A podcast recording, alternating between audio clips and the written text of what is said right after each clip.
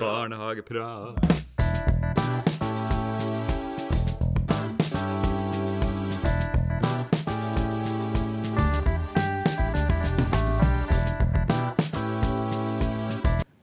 Skal vi se. Ok, men da, da er vi i gang. Velkommen til episode hva det blir da, to av eh, Barnehagepodkast. Hei, Lisbeth og Øystein. Hallo. Hei, Erlend og Øystein. Eh, hei, eh, Erlend og Lisbeth. Sånn ble det. Nå ble det rett. Ja, det ble veldig rett. Ja, Du var fin på håret. Erlend. ja jeg ble veldig fornøyd. Ja. Jeg ble et kilo Det er veldig bra. Det var veldig behagelig. Det er utrolig hva du får for en tusenlapp på en b- b- profesjonell sjappe, altså. Det må jeg si. Det veldig utrolig hva du mister for en tusenlapp, egentlig. Du har jo tatt, du har ikke fått noe. Det er bare tatt av. Ja, bare tatt av. Ja. I forrige episode så snakka vi om, eh, litt om det å drive barnehage i koronaens tidsalder. Eh, vi har tenkt å snakke litt mer om det i dag, for det er jo et tema som eh, vi åpenbart ikke fikk det å, fikk det uttømt. Og det er jo litt sånn Inngangen på det er jo det her med at vi eh, ikke sitter på samme sted. Og det hørtes kanskje på lyden sist.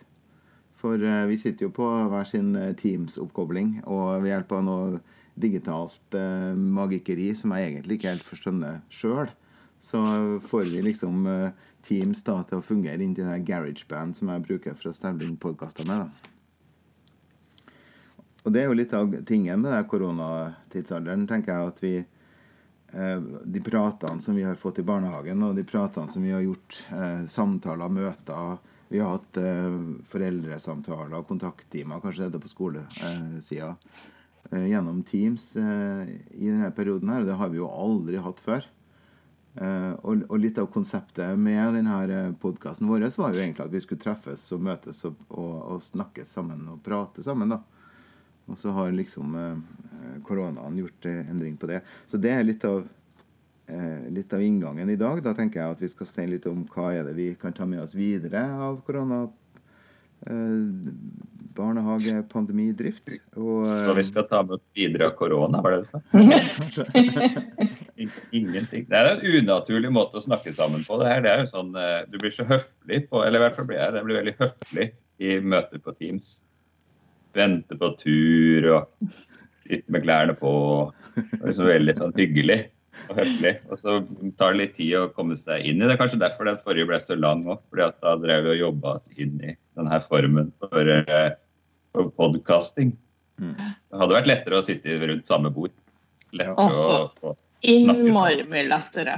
Åh, det, det er helt, og det er litt gøy, for jeg tenker tilbake på, på jeg husker innan vi skulle ha første eh, pedagogmøte, mener jeg det var, i barnehagen. Eh, og Det var jo så gøy, for folk var jo helt eh, Noen hadde ikke lyst til å slå på kamera, noen dukka opp, opp, ned.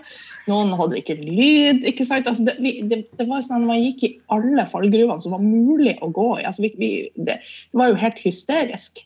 Eh, og så er det så gøy å se den veien eh, folk på alle nivåer har gått. altså Alt fra, fra personalgrupper til eh, styrerteam til eh, det meste. Altså, jeg vet at de hadde foreldresamtaler på Teams. altså må, eh, Den veien man har gått, hvor trygg man har blitt vei i det formatet. Med en man, man tok det, så var det det her er jo ikke noe problem i det hele tatt. Men tenk for et kvantesprang. Men det som du sier, Vi blir jo fryktelig høflige, og vi venter på tur, og vi greier håret. og vi på en måte møter opp og uh, jager alle ut av huset. og Nå må jeg være alene, for nå har jeg møte. og lærer oss å bløre bakgrunnen og det meste. Nei, det er jo sånn plussfaktor òg.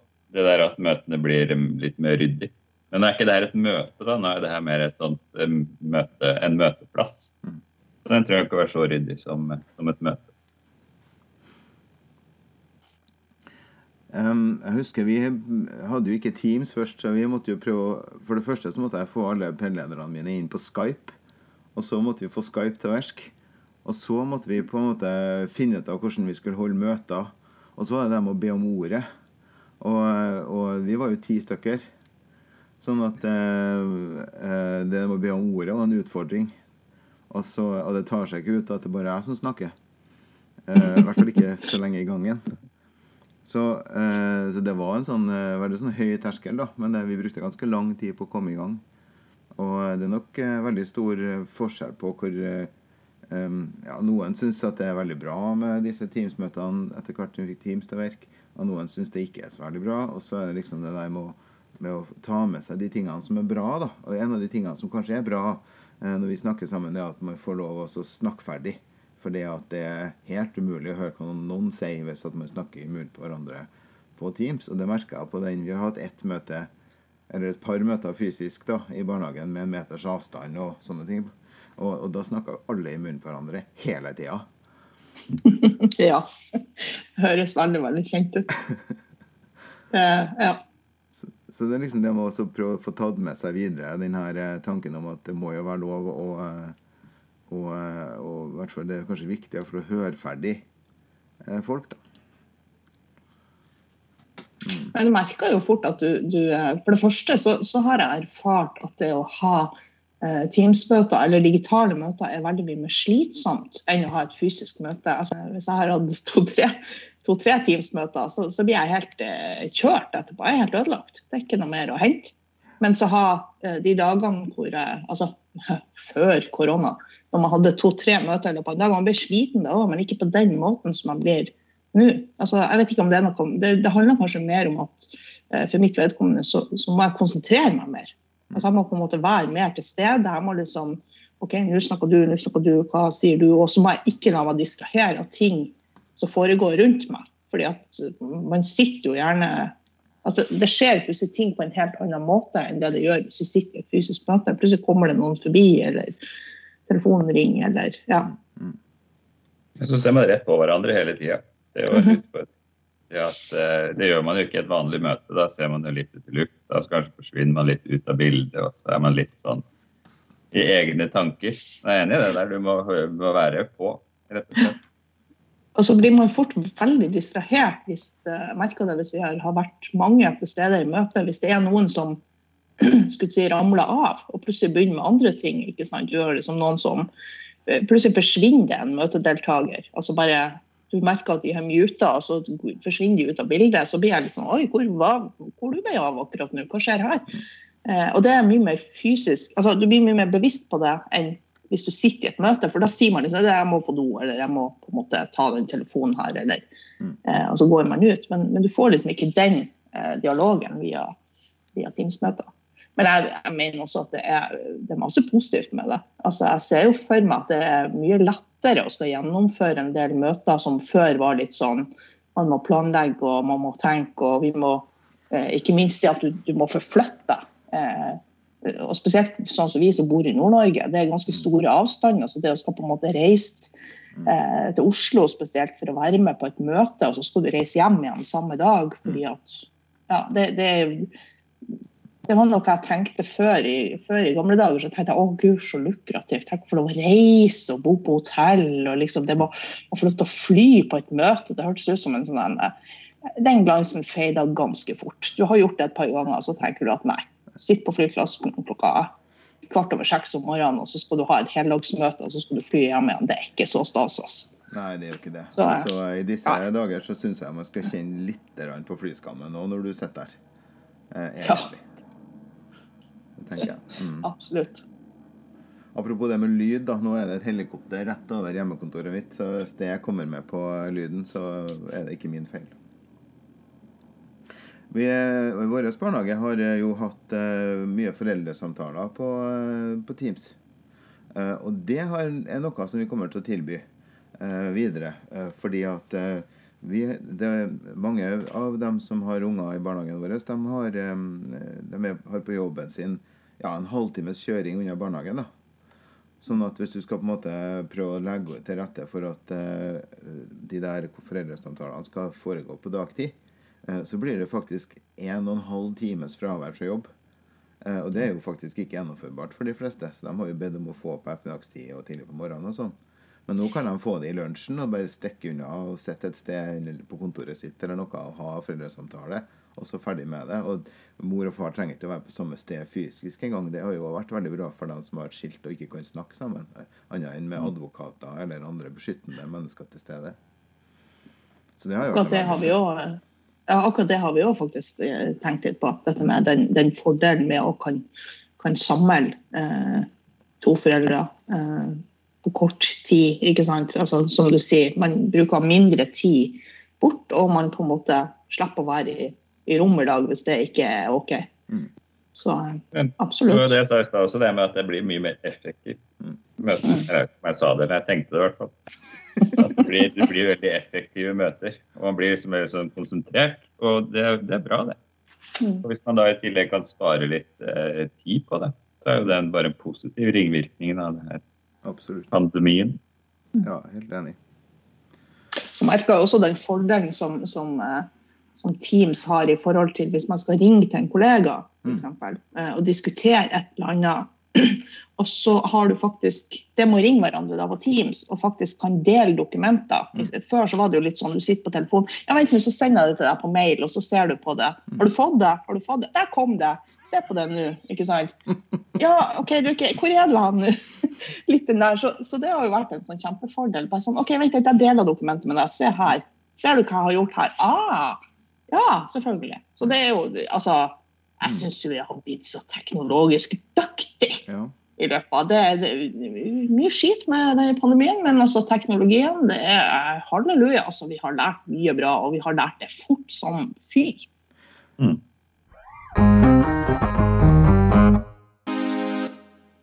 Jeg tror at eh, vi har blitt tvunget til å endre på en del praksis. Som vi aldri hadde kommet til å endre på uten at vi ble tvunget på det. Altså som, Eller kanskje utviklinga har gått dit, at det tar mye, mye lengre tid. Vi, altså min, eh, min eh, arbeidsgiver hadde jo innført Office 365 og Teams som arbeidsverktøy eh, før dette. Men det var jo litt sånn sleit litt med å få folk til å lese mailene på jobbmail.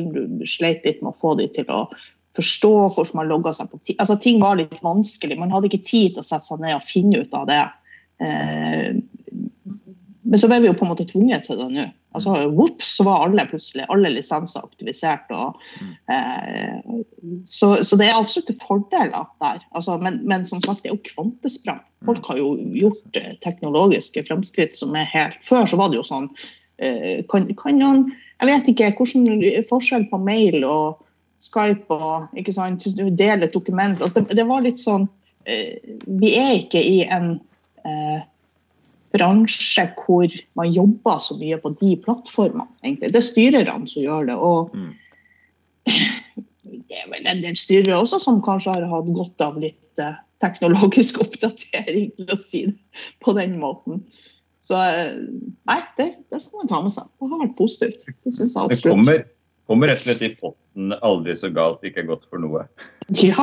Det, her også. det er mye som havner oppi den gryta der. Det er, eh, det er fullt. Nei, jeg blir aldri fullt. Men det er jo enkelte ting som er, som, som, som er sånn at man kunne si det er aldri så godt at ikke det er galt for noe òg. Hva tenker du på det, Erlend? Nei, jeg tenker at Det er en sånn generell oppfatning jeg har at noen ganger, så, selv om det ser bra ut, så på en måte eh, det, det som vi meste, da, f.eks. i det her med Teams, er jo dette med den nærheten og den, altså den nære menneskelige kontakten. For det som vi sier at det er jo en kunstig måte å snakke sammen på likevel. Selv om det, det er bedre enn å snakke i telefon, så er ikke det samme som å møtes. Så det er enkelte dynamikk, enkelte måter å være sammen på som på en måte ikke er med over i Teams. da. Eh, og det er òg med utfordringer for til å ha det som foreldresamtale, eller ha det, en, ha det som en kanal for å snakke med brukere eller foreldre eller andre. da, Så er det utfordringer der at du kan ja, gå glipp av noe av samspillet. da. Ja, så er det jo litt som du sier, at, at det er jo ikke eh, En ting er at du, ikke går, at du går glipp av samspillet, men det er jo en del ting man ikke fanger opp med å Altså, det, det går en veldig god reklame på TV for tida. Det, jeg lurer på om det er et eller annet sånt telefonselskap som har det. Det sitter bl.a. En, en, eh, en litt eh, voksen, eldre herremann med dressjakke, og så sitter han i under, når du ser under bordet, så sitter han bare i underbuksa med sånn tigertøfler på seg. Eh, og jeg har tenkt på det mange ganger at hvor mye man ikke ser, altså hvor mye man ikke får med seg, hvor mye man ikke fanger opp. Og det er jo også disse ansiktsuttrykkene. og altså Du kan, du kan fake det ganske mye via Altså, ja, man kan faktisk det.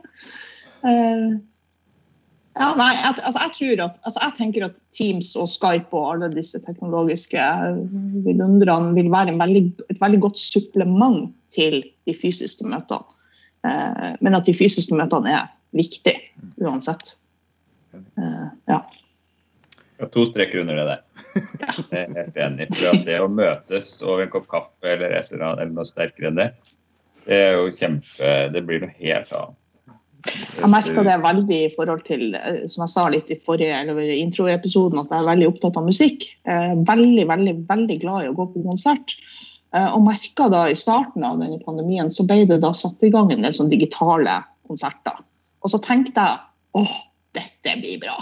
Jeg subscriber på absolutt alle sånne type uh, muligheter for å se en konsert. Og så merka jeg at det, det, var ikke så stas, også. Det var uh, er selvfølgelig enkelte ut av mine virkelig favorittband som jeg har sett konsertene til flere ganger og kost meg skikkelig med, men du mista noe. Liksom jeg fikk en sånn aha-opplevelse om at selv om jeg er den som har kjefta mest på at folk ikke klarer å holde kjeft på konsert, og at de er mer opptatt av å prate med sidemann og sånt her, så ting irriterer meg skikkelig, så kjente jeg litt på det at jeg savna det kanskje litt. Det er mm. kanskje greit at det står noen på sida av at du kan faktisk si at dette var bra. At man kan ha en, dele en felles opplevelse.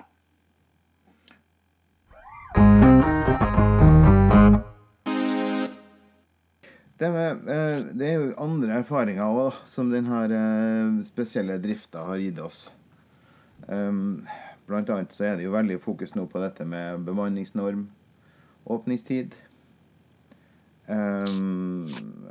Ja, det å så um, stå i den her med å, kjenne på at personalet egentlig har veldig mange gode erfaringer med, uh, med det å være um, mange på jobb samtidig. Og ha ansvar for mindre grupper. Og bli kjent med ungene på en måte som de ikke har blitt kjent med ungene på før, faktisk. Jeg eh, har nettopp hatt uh, møte i barnehagen og, og snakka med, med, fagarbeidere og assistentgruppa mi. Og det er en vidunderlig gjeng med flotte folk som på en måte um, hadde veldig mye positivt å si om det å ha litt kortere åpningstid det at uh, det var færre møter på dagtid, det var færre sånn forpliktelser utenifra som gjorde at de hadde opplevd en mye større frihet og mye større uh, autonomi da, i jobben sin. Og eh, autonomi og følelsen av frihet og å kunne styre din egen hverdag, det er en sånn friskhetsfaktor arbeids, eh, i arbeidsdagen da, som er positiv for alle mennesker, tenker jeg. Og det er sånn eh, hvordan og så kjenner jeg på det som både som uh, fagperson og som uh, styrer og som kollega. Hvordan i all verden skal jeg klare å ta vare på den opplevelsen når vi på et eller annet tidspunkt blir nødt til å ha åpent i henhold til vedtektene våre igjen? For jeg jobber jo i en kommunal barnehage, og vedtektene er vedtatt i bystyret. Så Eh, endring av vedtekter, deriblant åpningstidene i barnehagen, er et politisk spørsmål. Det handler ikke om faget. faget hvis faget hadde vært eh, grunnleggende, så hadde vi hatt åpent seks timer om dagen. Hadde vært et korttidstilbud. hvor vi hadde, altså, hvis, hvis fagfolkene hadde bestemt åpningstida, så er jo alle enig i at å ha alle til stede i hele åpningstida er en god ting. Men eh, barnehagene er jo samfunnets barnepassere. Det er vi jo. Og så dette med å finne balansen da, imellom å være Kanskje har vi over mange år, og litt sånn umerkelig, eh, har barnehagene kanskje glidd over i å være til tjeneste for samfunnet og foreldrene. Og på akkurat dette med åpningstid og tilgjengelighet eh, gått litt på akkord da, med vår tanke på hva som er bra for barn, og hva som er, hva er et pedagogisk tilbud for barn under skolepliktig alder. For jeg har tenkt på det at når de kommer i skolen, så har de plutselig bare De er ferdig klokka kvart over ett. Ja, det er nok for ungene, sier de. Det er de små, sier de på skolen. De har ikke kommet hit med de små ungene. Det her er de store ungene. De kan jo kle på seg sjøl gå på do sjøl lage maten sin sjøl. Du kan få et fungerende menneske. Det er bare å putte kunnskap inn i hodet på dem. Hvor vanskelig kan det være, har jeg tenkt. Så jeg tenkte at kanskje de hadde litt rett likevel. Så da, jeg hadde mye på hjertet om Erlend. Det ble veldig mye på en gang, kjente jeg. Det var sånn Utrolig mye på en gang. Kan vi snakke om åpningstid? Ja, det kan vi gjøre, for det er et premiss for resten. Ja. Jeg ja, for så vidt. Det henger jo sammen med bemanning, da. Men, eh, men det å ha denne korte åpningstida eh, og de her kohortgruppene, det har gjort at fokuset vårt har, vært, har endra seg. Vi har vært nødt til å holde på eh, med den gjengen vi har. Og vi har vært nødt til å og Det er liksom, liksom som Teams. Det har tvinga seg fram et annen type fokus og retning på de som jobber med barna. I hvert fall i vår barnehage, og sikkert i andre også. Fordi at du, du har din, den lille gruppa di, og du må, du må faktisk holde kontroll på det. Du må dekke behova i den gruppa. Og det kunne du tidligere kunne du kanskje gi fra deg et barn og si at nå er det din tur. Det her det, det orker jeg ikke mer. Eller det her, nå ble det nok. Eller bare at du ikke nådde inn. Mens nå har du blitt pressa fram det der. Og det tror jeg er en sånn positiv ringvirkning, det også. Også det at Vi har diskutert åpningstid senest nå på mandag. Og funnet ut at så lenge vi ikke vi har noen ny veileder på plass, så vil vi ha den åpningstida vi har. Fordi at den får vi til å fungere. Og så fort vi åpner opp mer, så ryker jo alt som er av smittevern. For da må vi jo smeise hele gruppa sammen. Nesten i hvert fall. Og vi har jo hatt åtte timers åpningstid hele tida. Og det er jo inntrykk også at de som utvider åpningstid nå, de har hatt mindre enn det før. Og det har jo ikke vi. Mm. Så nei, vi har beholdt den åpningstida vi har. Og vi sa at inntil vi vet noe mer, så kjører vi på med det. Men jeg har også hørt, altså apropos på godt og vondt og, og aldri så gærent osv., at eh, det har vært utfordrende dette med å Hvis man har to samarbeidskohorter med f.eks. seks små, altså en, to voksne og seks små, eh, så har det blitt veldig mye mer tydelig dette med at du disse praktiske oppgavene Går du med én, skal du skifte bleie på et barn, eh, så, så sitter du allikevel alene med de fem andre barna. Eh, og har også fått tilbakemeldinger på dette med at, som du snakka om, Øystein, i forhold til det at du har ingen som kan avlaste. Eh, når kohortene har på en måte bestått over en periode, så, så virker det nesten som om eh, ungene blir lei av hverandre, de blir lei av de voksne. Og du, du får disse Hvordan skal jeg si det? For at, for mitt vedkommende så jobber jeg i en stor barnehage. Og vi er vant til å dele litt på kryss og tvers og, og spre oss litt og samarbeide på huset. Vi har hatt veldig mye fokus om dette med hustenking.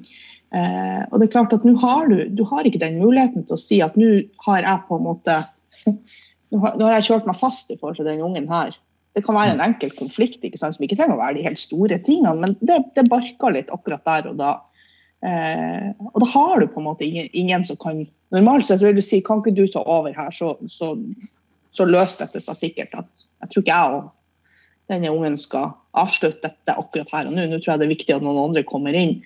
Eh, men den muligheten har man ikke lenger. Så det har vært litt mer gnisning også. Det har ikke bare vært det her med opp med flagget og ting har vært helt supert og man har blitt godt kjent. Det har vært sånn òg, men jeg tror det er litt sånn Eh, jeg tror, er, altså, jeg tror, det er, en del slitne folk der ute som føler at man har på en måte jobba på en, eh, en, veldig annerledes måte enn det man har vært vant til. Mm. Og så er det også ikke til å stikke under en stol at både plantid har vært vanskelig for pedagogene. Eh, det har gått på bekostning av det pedagogiske i, det hele.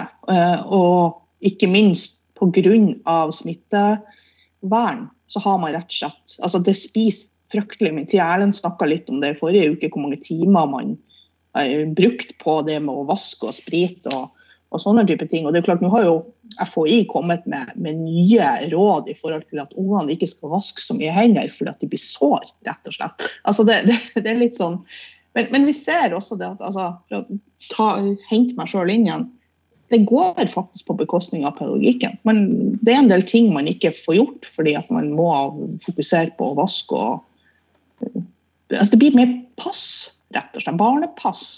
Men det, det jeg tenker da, Hvis vi tenker at vi, hva kan vi ta med videre inn i en mer normal eh, på et eller annet tidspunkt så slutter vi jo med å passe oss for det koronaviruset mer enn vi passer oss for andre sykdommer. Det finnes masse smittsomme, farlige sykdommer i verden som vi ikke passer oss for like mye. For, på et tidspunkt så, fall, så kommer det en eh, vaksine, det kommer et, eh, et system, det kommer en forordning, sånn at vi klarer å, å forholde oss normalt til det vi gjør. da.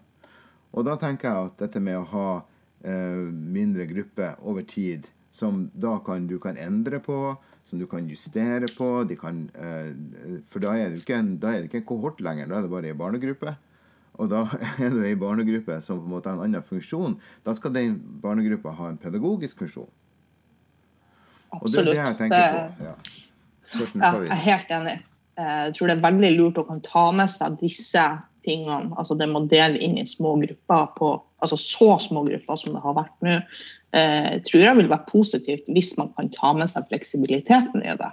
Eh, Jeg tror problemstillinga akkurat nå er vel det at det oppleves så rigid at man blir litt Altså, man klarer ikke helt å Hver gang man tenker at OK, vi kan gjøre det sånn, så nei, det kan vi ikke gjøre. fordi at nå må, huske på, må dere huske på veilederen, folkens. Eh. Ja,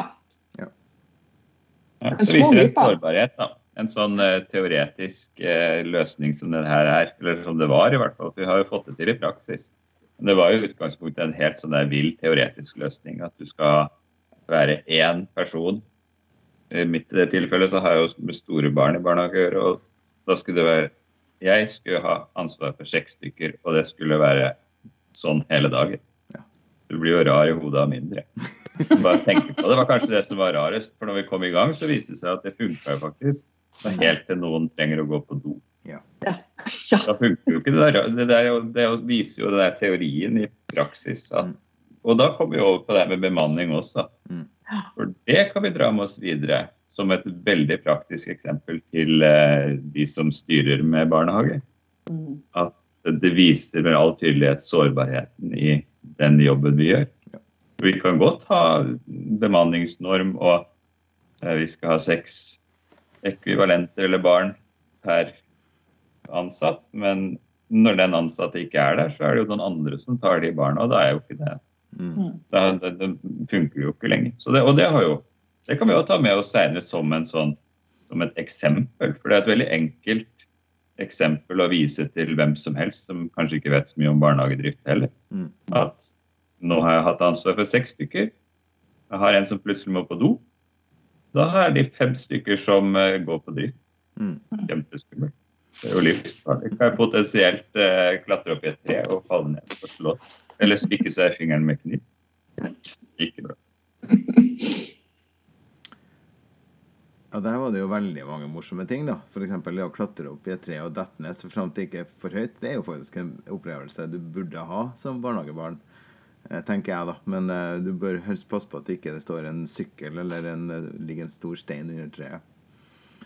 Men det er en annen sak. ris kalkulert risiko heter det. Ja. Og får lov å klatre opp og få lov å slå seg. Jeg hadde far, de, de spikker seg i fingrene med kniv i min barnehage. Men det er jo ikke så djupt. Det er jo ikke skarpeste kniven. i Det er veldig veldig sjelden at de mister deler av kroppsøynene sin, Altså. Det må jeg si, når det er under sånne forhold. Jeg har begynt å si det nå, for nå har vi mye spikking i min kohort. Når de er ferdig med å spikke, så de har noen regler selvfølgelig på det her, sånn at de ikke skal skade seg mer enn nødvendig. Og en av tingene som jeg har begynt å si helt til slutt, når de da nå sier ja, Øystein er ferdig med å spikke, ja, har du lagt kniven i slira? Ja. Har du alle ti fingrene? Og de viser fram fingrene. Hvis de har det, så er det, da er det bare å gjøre noe annet. Viktige ting. Viktig lærdom. Ja, jeg er enig i det. Jeg bruker å si ofte til foreldre at, eh, at eh, det er hyggelig at du kommer til oss med barnet ditt, men jeg kan ikke love deg at det kommer hjem i samme tilstand som når du leverte det fra deg. Nei, det blir samme, samme prinsipp. Vi driver etter samme prinsipp, men det er bra. Nei, men det er noe med eh, Jeg har truffet barn uh, som, uh, som ungdommer som har levd det jeg vil kalle en beskytta tilværelse som barn. Uh, og de var farlige for seg sjøl og omgivelsene sine, for de hadde ikke på noe vis på tidspunkt denne den risikovurderinga inne. da. Så det er jo skummelt. Han visste ikke at noe var skummelt. Så det burde du vite når noe er farlig. Tenker jeg. Mm. Det har eh, et av mine barn testa ut i praksis. De klatra opp i et tre, og så skulle prøve om det gikk an å være oppi et tre uten å holde seg fast. Med Så nei. Nei, det, det gikk, gikk jo bra, da, for det var et grantre hvor du liksom bare lukter, lukter, lukter nedover. Men allikevel, det er jo en erfaring, det. Og du får ikke sånne type erfaringer, og det spikke seg i fingeren-erfaringer, det får du ikke hvis du ikke får klatre opp i et tre, eller hvis du ikke får tak i en kniv. Eller for Nei, ikke det, det hørtes helt feil. Ja, det hørtes den lå framme, og så vender dere til ryggen til, så stjal de Du får lov til å få Og sitte i kontrollerte former og prøve seg med en spikkekniv. Ja. Ja. Nei, det er akkurat det Det var veldig gøy, for jeg var i, eh, for noen år siden så var jeg i Belgia på besøk hos en venninne. Eh, Og denne venninna hadde da eh, et, Hun var gravid da, på det tidspunktet. Og så skulle vi gå tur i nabolaget, og så gikk vi og liksom prata litt og kikka litt rundt omkring, og så kom vi til et, et hus eh, som hadde et eh, sånn cirka Hva kan jeg si? eh, litt over en meter høyt gjerde rundt. Og så var det en gressplen som så ut som de hadde klipt med sånn type neglesaks. Det var helt jevnt. Det det var ikke en hump. Det var altså Som kunstgresset på Aspmyra er sikkert mer humpete enn enn den Golfbane. plenen. Golfbane, veldig rett. Og det var ingenting. Det var den planen. ikke sant, sånn. Og så ser hun på meg, så flirer hun litt, og så sier hun vet du hva det her er for noe? Vet du hva som ligger her? Eh, og det første som slo meg, var at det var en sånn her, en, eh, type hage, eller sånn plass hvor man kan lufte hunder. I store byer har man sånn at du kan liksom komme innenfor et gjerde, så kan du slippe hunden løs, og så kan han få lov til å løpe litt. Eh, hvorpå hun da selvfølgelig forteller meg at nei, nei, dette er en barnehage, og det her jeg har Dette er liksom barnehagen mitt fremtidige barn skal gå i. Og jeg tenkte er det mulig? Og så flirer hun, hun norsk, ikke sant? så hun syns dette var veldig morsomt. og, og litt nær der. Og, og, men jeg, og har tenkt så mange ganger på det etterpå, at det går an. At det, at det er fysisk mulig at det blir folk. Altså, I forhold til dette med risikovurdering og det med å skjønne sin egen altså, kjennskap til at altså, jeg pleier å si det, altså Hvis ungen er skitten når du henter han i barnehagen, da har han hatt det bra. Da, har, da, har du, da henter du et fornøyd barn. altså da har du på en måte lekt. Du har, hvis, du kom, hvis du sender ungen din i barnehagen i hvit strømpebukse og, og eh, foldeskjørt, og du henter dem i samme tilstand, så er det et eller annet som sannsynligvis har gått galt i løpet av den dagen. Eh, Ja, det så høres ut ja, som en ja, dag. ja, og jeg sier ja til eh, si, kontrollert eh, testing, for å si det rett ut. Det, det er noe av det viktigste man lærer ungene. Altså, man ser jo unger når de lærer seg å gå? Så, så kjører de jo på. Det er jo ikke noe som stopper dem, de bare går. Mm. Eh, det er jo klart at De må jo lære seg til at den trappa der må du faktisk Du må lære deg til å gå i trappa, men du må lære deg til å ta forholdsregler i den trappa. Mm. Du kan ikke liksom bare bryte utfor fra øverste trinn.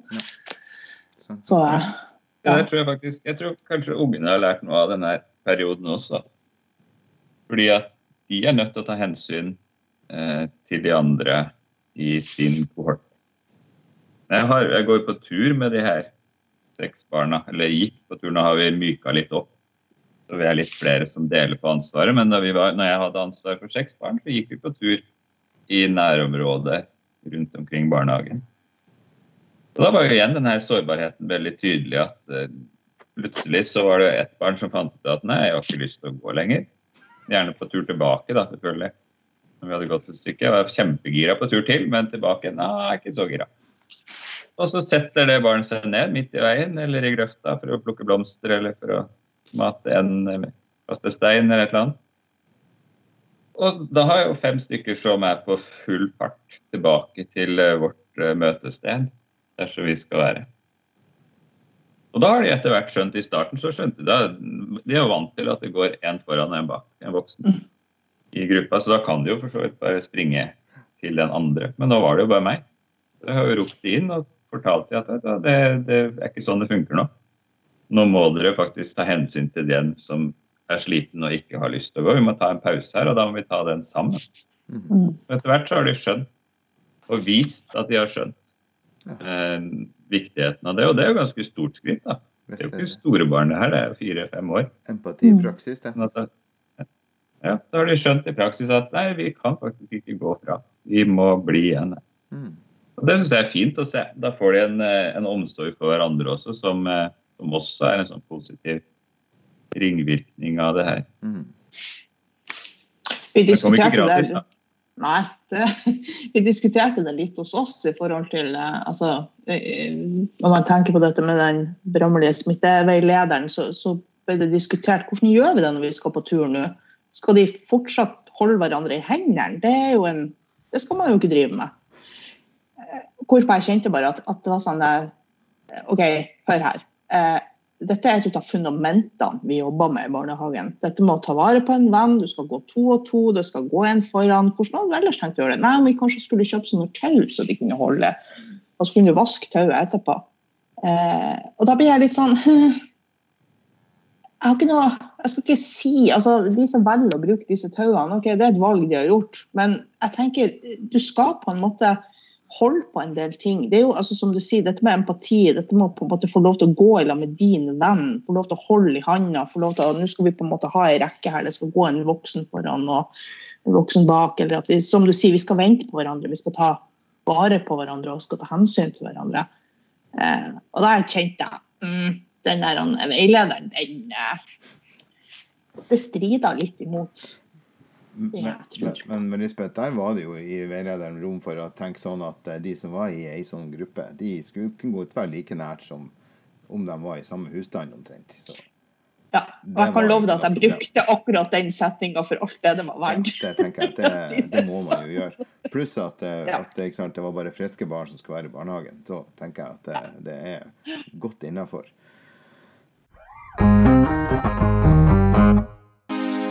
Så, men det er liksom Det er jo noe vi har snakka litt om, det her med det å være styrer da, og bli sett eh, Og pedleder egentlig. Og sett i de her Ja, egentlig så har jo òg fagarbeidere og studenter til daglig sittet i store og små sånne motsetningsforhold mellom det som vi opplever som god pedagogisk barnehagepraksis og smittevernhensyn. Og det å, øh, og Hvilke hensyn skal vi ta til samfunnet? Hvor langt skal vi strekke oss for å, for å drive barnehage og være til samfunnets beste, samtidig som at vi skal prøve å drive Det sto at vi skal drive ordinær drift. Ja, da er det både barnehagelov, rammeplan og andre regler, ikke minst eh, HMS og, og, og hva heter det, det her eh, miljørettet helsevern, som på en måte forteller oss hva vi skal drive barnehagen i henhold til.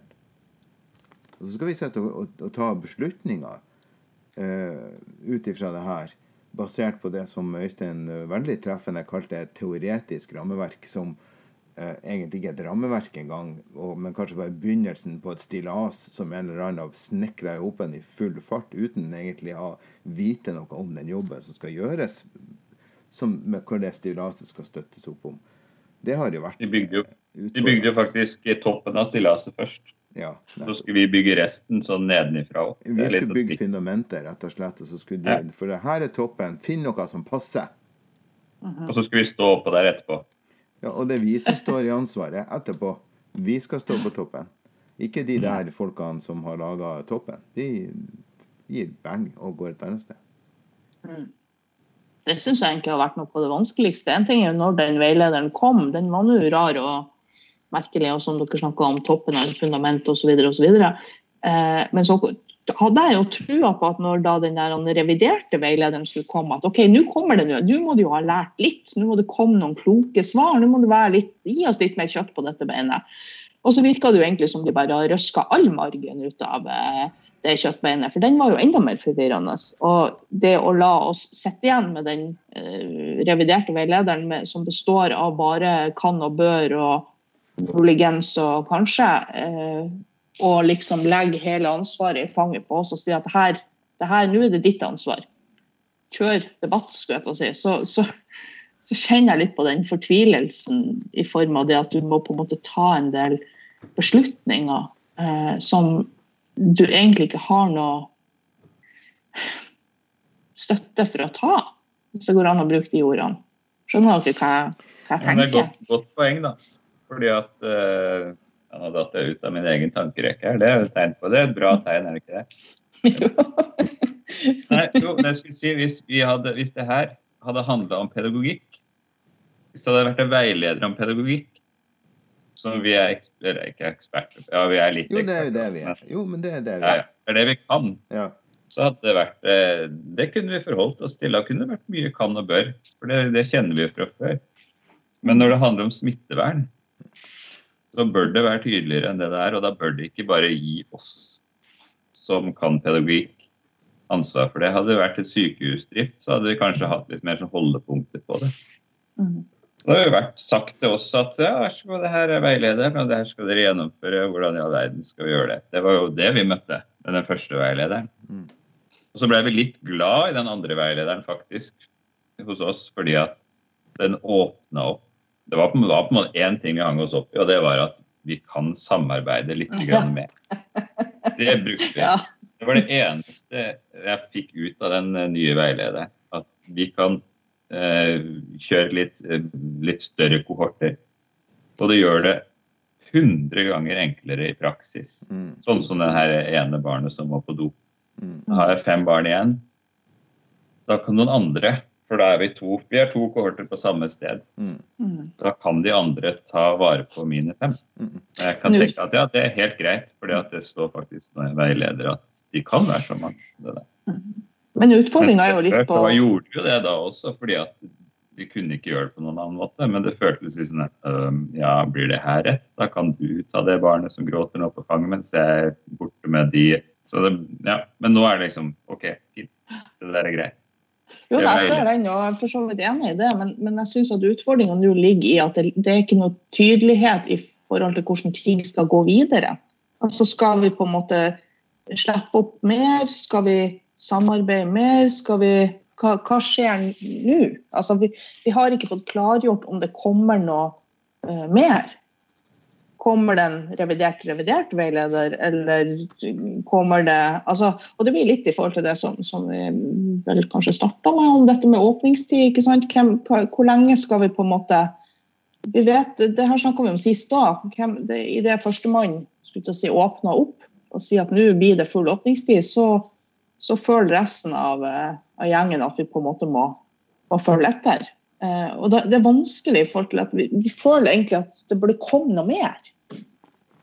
Ja, Det prater vi om. Vi hadde møte på mandag. Jeg var i to møter rett etter hverandre på ja, Teams-aktig. Hvor vi skulle finne ut hva vi skulle gjøre for noe videre. Ja. Og jeg tviholdt på det at eh, jeg syns vi skal fortsette sånn som vi gjør. Fordi at vi veit ikke noe mer om det. Jeg veit ikke noe mer om situasjonen. Det har ikke endra seg noe stort. Lav smitte, da, det vet vi, men utover det vet vi jo ikke noen ting. Og det har ikke kommet noen ny veileder verken fra høyt hold eller høyere hold. Sånn at eh, da jeg sto på det, at eh, det er sånn, sånn hvis vi skal bestemme, da er det det, det eneste vi kan bestemme. Mm. Fordi at nå driver vi etter det vi mener er rett ut av den veiledninga vi har fått. Mm. Og Hvis det skal gjøres på en annen måte, så må enten kommunen komme på banen og si at Bodø kommune gjør sånn. Eller så må de som styrer landet vårt komme på banen og si at nå skal barnehagen gjøre det sånn. Mm. Ut fra smittevern. For vi er jo fortsatt i Det var også noe som dukka opp i møtet. At vi er jo fortsatt i en sånn pandemisituasjon. Den er ikke gått over. Det er ikke Smitten er ikke borte, sjøl om den er lav her vi bor. Så, og da er det jo enda viktigere at vi beholder den måten vi gjør det på. For det er jo på det vi snakka om i stad, at i det øyeblikk vi åpner barnehagen full åpningstid, så kan vi ikke ha kohorter, for da har vi ikke folk til å dekke opp. Og da kan vi ikke drive sånn som nå, og da kan vi ikke ha det smittevernet som vi har nå. Nei, jeg støtter deg veldig på det, Øystein. Og jeg tror det er veldig gjenkjennbart rundt omkring i, i, i, i mange plasser i Norge, altså. Eh, Det er bare sånn at Ære være de barnehagene da, som har klart å lage Jeg har jo sett noen oppslag og noe sånt eh, artikler om barnehager som har full åpningstid. Ja vel, hvis de klarer da ved å begrense kanskje antall unger er til stede. For det er et verktøy som min barnehage ikke tok i bruk tidlig nok til at vi kan begynne å bruke det nå. Men det var sånn her begrens at vi hadde lang åpningstid, men at vi begrensa hvem som kunne komme. For det er jo en annen mulighet da for å få omtrent samme virkningen. Eh, Men hvis du ikke har innført det allerede, så, så og på en måte har begrensa med åpningstid på at det er det som er virkemidlet, så må det komme helt nye retningslinjer først.